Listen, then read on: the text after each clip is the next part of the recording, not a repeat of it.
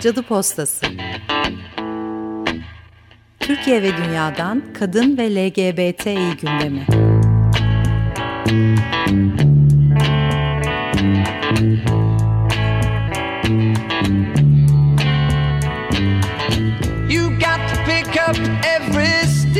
Hazırlayan ve sunanlar Burcu Karakaş ve Çiçek Tahaoğlu.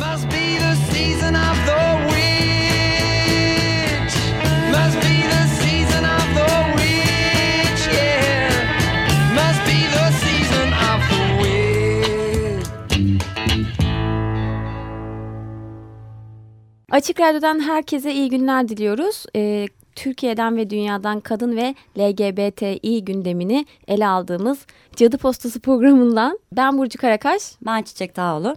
Bugün bu hafta yine sizlerle birlikteyiz. Ee, ilk olarak dünyadan bir haberi paylaşacağız.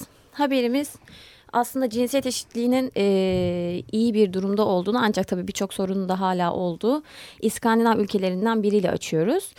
E, bilindiği üzere e, daha doğrusu bilindiği üzere söylemeyelim de e, Dünya Ekonomik Forumu'nun 2014 yılında çıkardığı raporda e, cinsiyet eşitsizliği raporunda 5. E, sırada olan bir ülke var.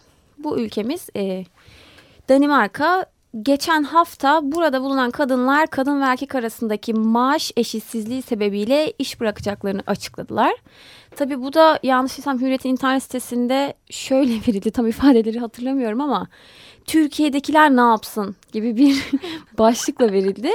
Türkiye ise bu bahsettiğim raporda e, 125. 125. sırada e, yer alıyor. Şöyle bilgiler paylaşabiliriz. Aslında bu eşitsizliğin en az olduğu ülke e, ilk sırada İzlanda e, yer alıyor e, Danimarka 5. sırada olmasına rağmen tabii kadınlar bu durumdan şikayetçi. Türkiye hani yarışacak e, halde bile değil aslında. E, tabii Türkiye Ancak, yarışmak için iyi bir örnek de değil zaten toplumsal evet, yani neredeyse zaten mücadelesi. en son sırada. Ama hani Türkiye ibret olsun diye bu haberi sizinle paylaşmak istedik. Yani kadın ve erkek arasındaki maaş eşitsizliği aslında önemli bir konu ve Türkiye'de de e, KEİK bu alanda birçok çalışmalarda bulunuyor. Tabii iktidar tarafından ne kadar ciddiye alındığı tartışılır ancak e, bu konuda daha fazla çalışma yapılması ve STK'ların aslında yaptığı bu çalışmaların siyasi iktidar tarafından daha fazla ciddiye alınması gerektiğini belirtelim. Evet bu arada ben gerçekten merak ettim. Danimarka'da bütün kadınlar iş bırakırsa ne olur? Herhangi bir ülkede. Sayı da fazla. Evet. Yani Danimarka'da eşit de, eşitlik de, Aynen. temsiliyet eşitliği de çok yüksek. İlginç olabilir. Ee, ikinci haberimiz... E, Birleşmiş Milletler Genel Sekreteri ile ilgili bir haber. Ee, şimdi 2016'da Birleşmiş Milletler 70. yılına giriyor ve e, yeni genel sekreterini seçiyor. Ban Ki-moon'un yerine yeni biri gelecek. Bununla ilgili de bir kampanya başlatılmış. Kampanyanın adı One for Seven Billion. E, Find the Best UN Leader. Yani e, 7 milyar için bir kişi e, olarak çevirebiliriz. E, şimdi BM Genel Sekreteri'nin nasıl seçildiğini bilmiyoruz aslında. Bu konunun üstüne de çok düşündüğümüz bir konu da değil. E, ve e, bu kampanya BM Genel Sekreteri seçiminin şeffaf ve adil bir şekilde yap, yapılmasını talep ediyor. E, kampanyayı kurumsal ve... E, kişisel olarak e, destekleyebiliyorsunuz. Avaz, Uluslararası Af Örgütü, Civicus, Equality Now, e, Barış ve Özgürlük için Uluslararası Kadın Ligi ve daha birçok e, büyük kurum var destekleyen. E, bunlar BM Genel Sekreterlerinin demokratik bir şekilde değil, BM Güvenlik Konseyi'nin kalıcı üyesi olan beş ülkenin aldığı kararla ve kulislerde yapılan pazarlıklarla seçilmesine karşı çıkıyor. E, ve eleştiriler sıralıyor. E, bu eleştiriler gerçekten çok dikkat çekici. Birleşmiş Milletler Genel Sekreteri pozisyonu için bir iş tanımı ve bir iş duyurusu olmadığını hatırlatıyorlar. Adaylar kamuoyunun dikkatine sunulmuyor. Hangi adaylar arasından e, bu beş kalıcı üye ülke e, tek bir adayı seçiyor bunları bilmiyoruz. Ve şimdiye kadar yani 70 yıldır hiç kadın veya e, LGBT genel sekreteri olmamış Birleşmiş Milletler'in. Bu gerçekten tuhaf bir durum aslında çünkü varoluşundan bu yana hep e, erkek liderlerce yönetilmiş bir kurum ve küresel anlamda toplumsal cinsiyet eşitliği mücadelesi yürüten bir kurum pek samimi e, olmadıklarını görüyoruz bu e, ideallerinde Birleşmiş Milletler'in aslında. E, kampanyanın web sitesinde Birleşmiş Genel e, Birleşmiş Milletler Genel Sekreteri seçimlerinin nasıl olması gerektiğine dair detaylı bilgiler, e, reform önerileri, seçim kriterlerinin ne olması gerektiği gibi birçok bilgi var. E, internetten bu kampanyayı inceleyebilir ya da isterseniz katılabilirsiniz. Bu hafta istihdamla açtık. Gene aynı konudan e, sürdürelim. E, gene bu sefer Avrupa'dan e, Türkiye'ye e, dönüyoruz. Türkiye'de 2.36 milyon e, devlet memuru var. Son yapılan bir araştırmaya göre bu sayının yalnızca %37,55'i kadın. E, şimdi zaten Türkiye'de az önce söylediğimiz gibi istihdam açısından sorunlu bir ülke. E, yani bu memurların e, yaklaşık 62,45'ini erkekler oluşturuyor. Üst düzey e, memurlara baktığımız zaman ise toplam e, üst düzey 5152 e, memur bulunuyor. Bunların 5872'sini erkekler yalnızca 595'ini kadınlar oluşturuyor. Yüzdeye çevirmeye bile gerek yok. Yüz yani evet üst e, mevkilerde bulunanların %90'ı erkek. 99'u bile olabilir tam hesaplayamadım. Yani evet bu, bu tabii bayağı hani aslında üzerine tartışılacak bir şey ama bir yandan da hani zaten kadını eve hapsetmeye çalışan bir siyasi iktidar olduğu için sayının e, yani bu kadar aşağılarda olması çok da şaşırtıcı değil ama tabii e, dediğimiz gibi yine bir iyileştirme bekliyoruz. Evet. Ee, bir sonraki haberimiz yine online tacizle ilgili. Yine diyorum çünkü e, Cadı Postası'nın ilk programında bir online taciz haberiyle açmıştık.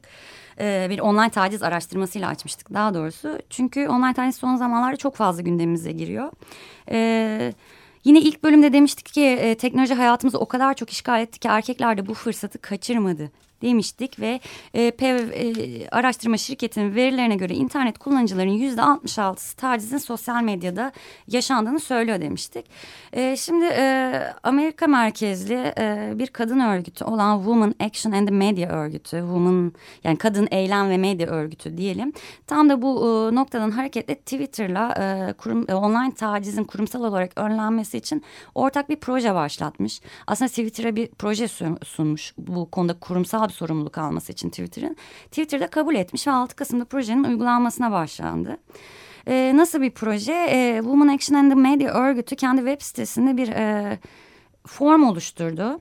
Ee, eğer e, Twitter'da taciz uğruyorsanız, cinsiyetçi, ırkçı, homofobik nefret söylemine ya da tehditte maruz kalıyorsanız e, bu formu, bu şikayet formunu dolduruyorsunuz ve e, bundan sonrasını aslında Women Action and the Media örgütüne bırakıyorsunuz. Çünkü Twitter'a bu şikayetlerin işletilmesine ve Twitter'dan buna cevap gelmesi sürecini üstlendiklerini söylüyorlar. Ve şikayet formları üstünde yer alan verilerden de bir araştırma yapılacak. Bu da çok önemli. Sosyal e, platformlarda e, cinsiyet temelli, toplumsal cinsiyet temelli taciz ve şiddet biçimleri nasıl oluşuyor ve buna karşı nasıl mücadele edilebilirin e, yöntemlerinin aranmasına da katkıda bulunacak bir e, proje bu aslında. Twitter'ın da bu kurumsal sorumluluğu en azından projeyi kabul ederek göstermesi çok olumlu bir adım. Bakalım sonrasında ne olacak? Aslında bu vesileyle bir duyuru da yapalım. Ee, programımızın bir Facebook sayfası var şu an Çiçek sayesinde. Henüz yapım aşamasında gibi ama aslında Çiçek'in bahsettiği bu e, formun bulunduğu internet siteyi de oradan Evet, internet formun, oradan e, duyurabiliriz. Formun Türkçesini de e, Facebook sayfamızdan, Cadı Postası'nın Facebook sayfasından bulabilirsiniz. Yani Türkçesini okuyup İngilizcesini doldurmak kaydıyla en azından İngilizceye erişimi olmayanlar için öyle bir kolaylaştırıcılık yapacağız Facebook Bu hafta içinde sitemize onu ekleriz. Şimdi yine dünyadan bir haberle e, sürdürüyoruz programımızı. Geçtiğimiz haftalarda İran'da bir idam e, haberini paylaşmıştık. E, gene aynı şekilde e, İran'daki e, kadın sorunlarını ele alıyoruz ama bugünkü ülkemiz Hindistan. Hindistan'da geçtiğimiz hafta e, Hindistan'ın kuzeyinde yeğenini öldürmekle suçlanan bir kadın köy meclisinin emriyle çırılçıplak soyulmuş bir halde bir eşeğin üzerinde sokaklarda dolaştırıldı. Şimdi Hindistan'da tabii yani İran'dan çok farklı değil. Aslında tabii aşağı yukarı e, kadın haklarını savunmayan her ülke birbirine benziyor ama bu köy meclisinin verdiği karar neydi? E, kadının saçları öncelikle tıraş edildi. Sonrasında da yüzü kömür tozu ile karartıldı. Ceza olarak da tabii o cezayı işte tırnak içinde söylüyoruz. Çıplak bir şekilde bir eşeğin üstünde köyde gezdirilerek teşhir edildi bir orta çağ yani, uygulaması gibi. Aynen ilkel diyeceğim. İlkel demek de tabii bir de buradaki amaç da ayrıca yani hani çırılçıplak olması hani onun utanç verici yani kadının işte çıplaklığının yine. Rencide edici bir unsur utanç- olarak kullanılıyor olması çok. Evet. Yani e, aşağılık bir e, hareket diyelim. Zaten e, kıdemli bir polis memuru da bu olay- olayın üzerine şöyle demiş. Bir kadına köy meclisinin emriyle bu kadar kötü muamele edilmesi utanç verici bir olay. Şimdi tabii bu cümle de sorunlu. Çünkü kötü muamele de değil yani. bu. Yani bence burada rencide olan kadın değil bu kararı de- verenler yani burada küçük düşen diyeyim rencide olan değil Evet. İlla ki rencide olmuştur böyle bir durumda insanlık hali olarak ama burada küçük düşen kadın olmamış bizim gözümüzden bu kararı veren köy meclisi olmuş. Bir de bu utanç kelimesinin hani çok sıklıkla kullanılıyor ama Evet. kimin utancı, Kimin utancı? neyin utancı diye biz onu sürekli söylüyoruz. Bu da yine aynı şekilde benzer bir sorun var. Bir de küçük bir not düşelim. Kırsal kesimde Hindistan'da ne yazık ki bu yaygın bir e, cezalandırma yöntemiymiş. Yani ne bu? Kadınların işte çırılçıplak soyularak herhangi bir e, suça bulaştığı zaman ya da her neyse e, aşağılanması e, yaygın olarak kullanılan bir yöntem. Dediğimiz gibi utanç dediğimiz zaman da bu kimin utancı, neyin utancı diye bir düşünmek gerekiyor. Şimdi bir şarkı arası veriyoruz. Sonra yeniden buradayız.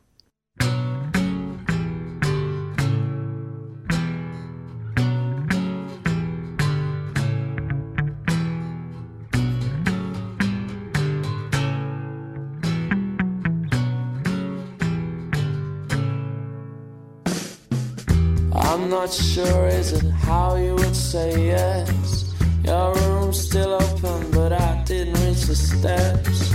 Cause when I went nearby to see what I missed, there was your doorman challenging me to confess, friend of mine.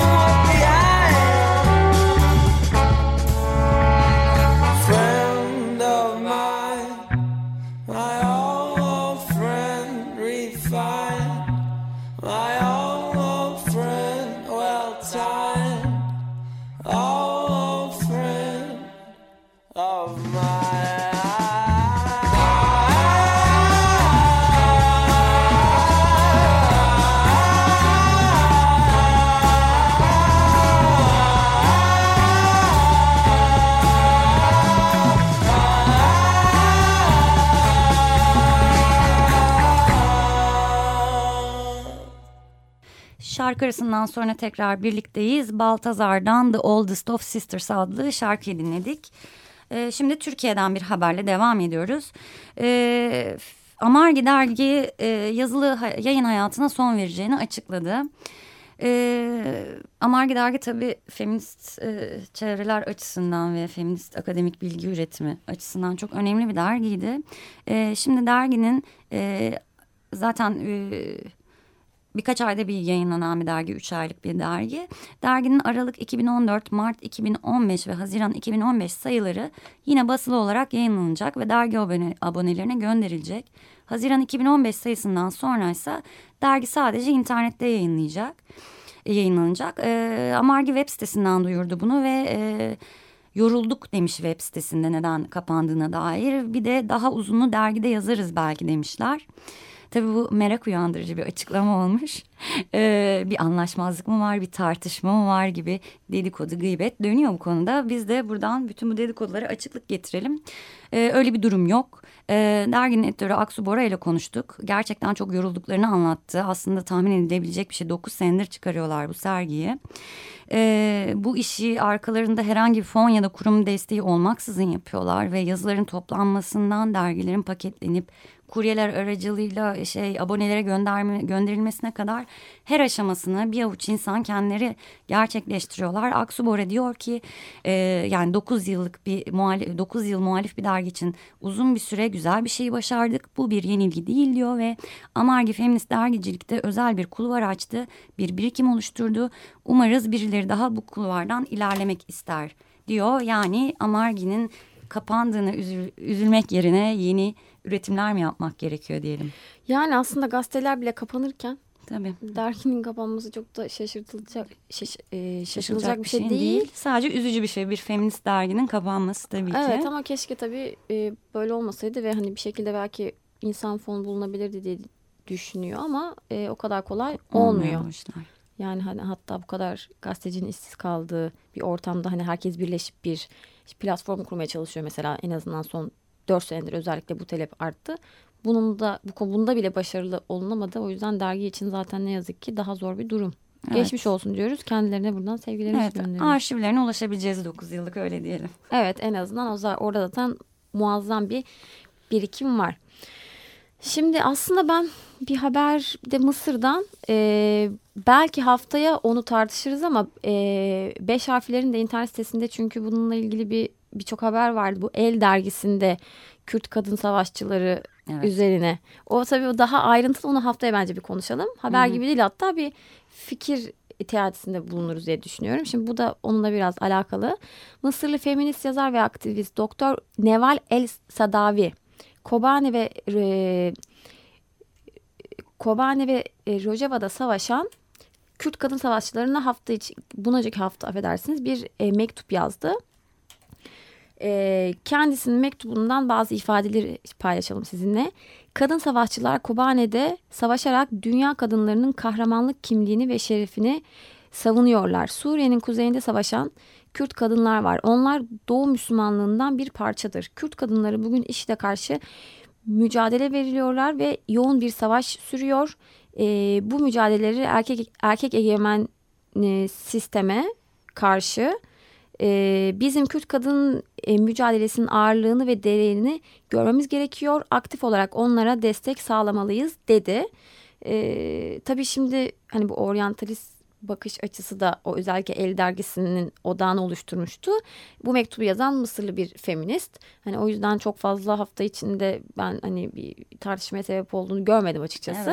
Evet, Ama o e, işte Kürt kadın savaşçıların durumu ile ilgili haftayı dediğim gibi bir e, evet bir, küçük bir tartışma yapabiliriz diye düşünüyorum Çiçek'le. Ee, şimdi biraz magazine kayıyoruz yavaş yavaş magazin köşemize doğru kayıyoruz programın sonu geldikçe.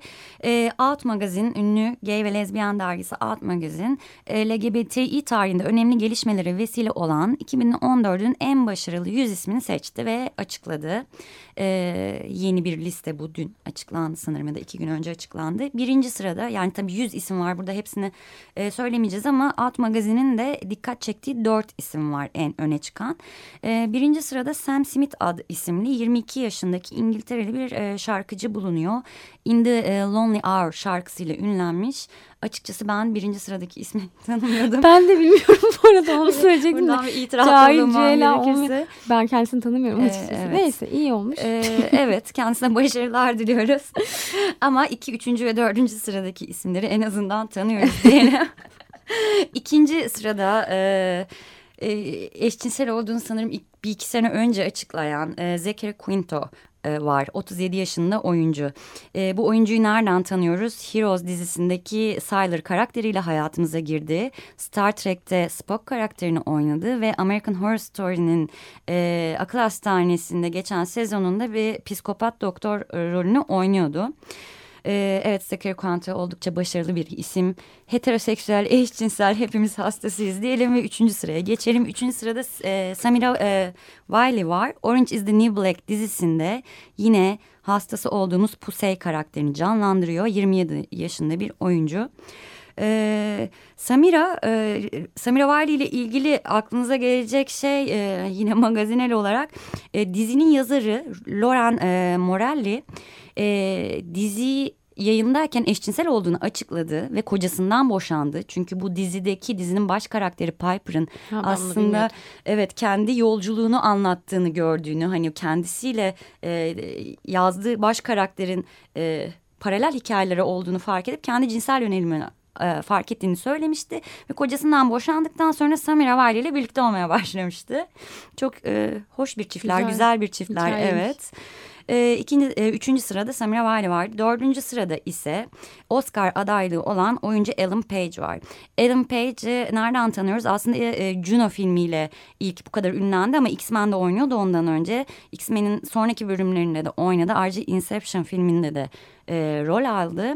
Ellen Page de bu sene e, Human Rights Campaign'in Sevgililer Günü'nde düzenlediği LGBTİ etkinliğinde lezbiyen olduğunu açıklamıştı. Çok hoş ve etkileyici bir konuşmaydı gerçekten.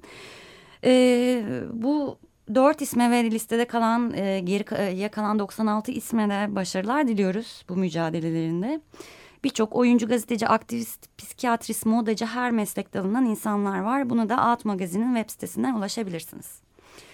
Bir sonraki haber aslında American Horror Story diye Zachary Quinto ile girdim. Yine American Horror Story ile ilgili e, birazcık popüler televizyon dizilerinden de bahsetmek gerekiyor. Çünkü çok aslında e, haber değeri taşıyan gelişmeler oluyor. Sonuçta toplumsal algıları da bu evet. e, televizyon programları şekillendiriyor. Ve bu önyargıları kıracak nitelikte yayın yapan çok önemli bir dizi bence American Horror Story e, izle bilmeyenler ya da hiç izlememiş olanlar için kısaca özetlemek gerekirse diziyi her sezon sıfırdan yeni bir hikaye anlatıyor American Horror Story. E, geçen sezonu Cadılar Meclisi'nde geçiyordu. Çok feminist bir sezondu. Bu sezon ise Freak Show. E, toplumsal dışlanma, marjinalleştirme gibi konular ele alınıyor. E, ve e, fiziksel anomalileri olan hani iki kafası, üç kolu olan karakterlerin yanı sıra birçok LGBT karakter var. Neden? Çünkü aslında dizinin oyuncularından biri gerçek hayatta açık bir gay olan e, oyuncularından biri spoiler olmaması için söylemiyorum. Çünkü geçen hafta e, bu oyuncunun dizideki karakterinde gay olduğunu öğrendik. E, bir röportajında dediği gibi 1950'lerde eşcinsel olmak da bir anomali gibi algılanıyordu. Dizi birazcık bunu e, göstermeye ve e, bunu kırmaya çalışıyor. Dizinin geçen haftaki bölümünde en maço karakterlerden birinin gay olduğunu öğrendik. Bir başka karakterin interseks olduğunu öğrendik. Bir karakterin daha gay olduğunu öğrendik. Buna e, ek olarak bir e, eşcinsel cinayeti de işlendi ama hangi karakterleri olduğunu söylemediğim için spoilerdan saymayarak son haber için Burcu'ya veriyorum sözü. Evet en hoşlandığım bölüm geldi. Bu, bu haftanın en sevdiğim haberi. Şimdi gerçekten bu baştan aşağı saçma sapan bir olay. Yani kusura evet. bakmasın zaten bu kişilerin de açık radyoyu dinlediğini düşünmüyorum yani ama Ece Erken denen bir arkadaşımız var. İşte kaç yıldır artık ekranda. Şimdi bu, kendisi evli bir eşi var Serkan Uçar diye. Ya da internette falan yani birçok yerde haberi döndü. Şimdi olay ne bilmeyenler için e, söyle söyleyelim. Ece Erken hamileymiş. Olabilir ne güzel. Şimdi Ece Erken'le eşi geçtiğimiz günlerde Serdar Ortaç'ın e, bir programına gitmişler. Ondan sonra Serdar Ortaç burada Ece Erken'e demiş ki aa bak e, ne güzel evlendiniz. Çocuk da yaptınız. Ece bize de öğretin e, nasıl yaptığınızı. Serkan Serkan pardon eşinin ismi bir arada senle buluşup kaynaşalım demiş. Şimdi bu sözlerden sonra Serkan Uçar adlı kişi Ece Erken'in eşi olan kişi bu adam nasıl sana öyle bir şey der diye bağırarak bulundukları yerden çıkmış. Sonrasında sokakta o karıyı boşayacağım nasıl benden habersiz gider diye. Çünkü e, eşinin kolundan tutuyor ve Ece Erken bir şekilde tabii bu kısımlar komik değil yani az önce öyle başladık ama bir şekilde kendisine aslında fiziksel bir şiddet uyguladığını anlıyoruz. Ve sonrasında da Ece Erken arabayı binip gidiyor arkasına o karıyı e, boşayacağım diye bağırıyor. Şimdi bu olayın daha en başı. Sonrasında işte Ece Erken bu duruma sinirlendiği için eşiyle ilgili bir takım e, fotoğrafları sosyal medya hesabından siliyor ve hatta soyadını da galiba çıkarıyor. Evet soyadını ee, iki soyadı kullandığı için evet. kocasının soyadını çıkarıyor. Evet ama ondan sonra Serkan Bey e, bir açıklama yapıyor ve tabii olay bu arada e, tahmin ettiğiniz gibi bağlanıyor. O nedir? En sonunda bu iki kişi işte e, anlaşıyorlar vesaire hiçbir sorun yok gibi. Birlikte kamera karşısına çıkıyorlar değil mi? Doğru anladıysam. Evet tabii tabii. Ya, o, pardon onu bilmiyorum birlikte ama yani Serkan Bey'in bir açıklaması oluyor. Açıklamada şu. Eşimin hamileliği sebebiyle arkadaş grubumla aylar sonra çıktığımız eğlencemiz güzel başlayıp maalesef küçük bir yanlış anlaşılma sonucunda tartışma ile bitmiştir. Her evlilikte olan tartışmaları bile yaşamazken aylar sonra maalesef ilk kez içtiğim bir iki kadeh içki sonucunda saçmaladığım doğrudur. Ama asla eşime en ufak bir zarar vermedim. Kolunu değil elini tuttum. Kendisinden ve değerli ailesinden özür diliyorum dedi. Yani biz şimdi bunu niye örnek verdik? Çünkü hani çok şükür e, Ece Hanım'ın başına bir şey yani, de daha ciddi bir şey gelmemiş ama hani bu e, magazinsel boyutunun yanı sıra senin de az önce verdiğin o dizi örneği sebebiyle söylüyoruz. Evet. E, hani nasıl olsa işte bir sıkıntı yok. Biz işte aramızda hallettik. Yani bir iki bir şey içmiştim. Aslında normalde vurmuyorum kendisini ama orada ufak bir e, gerginlik oldu gibi. Böyle şeyler de olur gibi. Böyle şeyler de olur gibi aynen ama şunu hatırlatalım. Ne yazık ki eşlerini öldüren adamların da e, çoğu zaman e, argümanlarından biri iki kişi arasında yani eşler arasında böyle şeyler olur diyorlar ve e, bu tarz bahanelerin arkasına e, sığınıyorlar. Ece Hanım'a buradan e, geçmiş olsun diyoruz ve bugünkü programımızın bugün bu sonuna geldik. Haftaya tekrardan e, aynı saatte e, Cadı Postası'nda burada olacağız. Ben Burcu Karakaş. Ben Çiçek Dağlı. Herkese iyi günler diliyoruz. Cadı Postası Türkiye ve dünyadan kadın ve LGBTİ gündemi.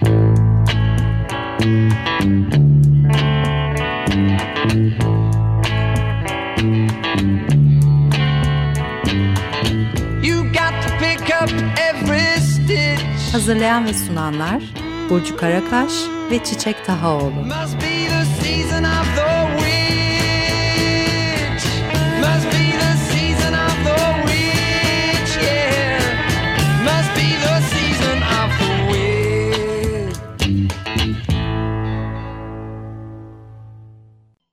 Açık Radyo program destekçisi olun.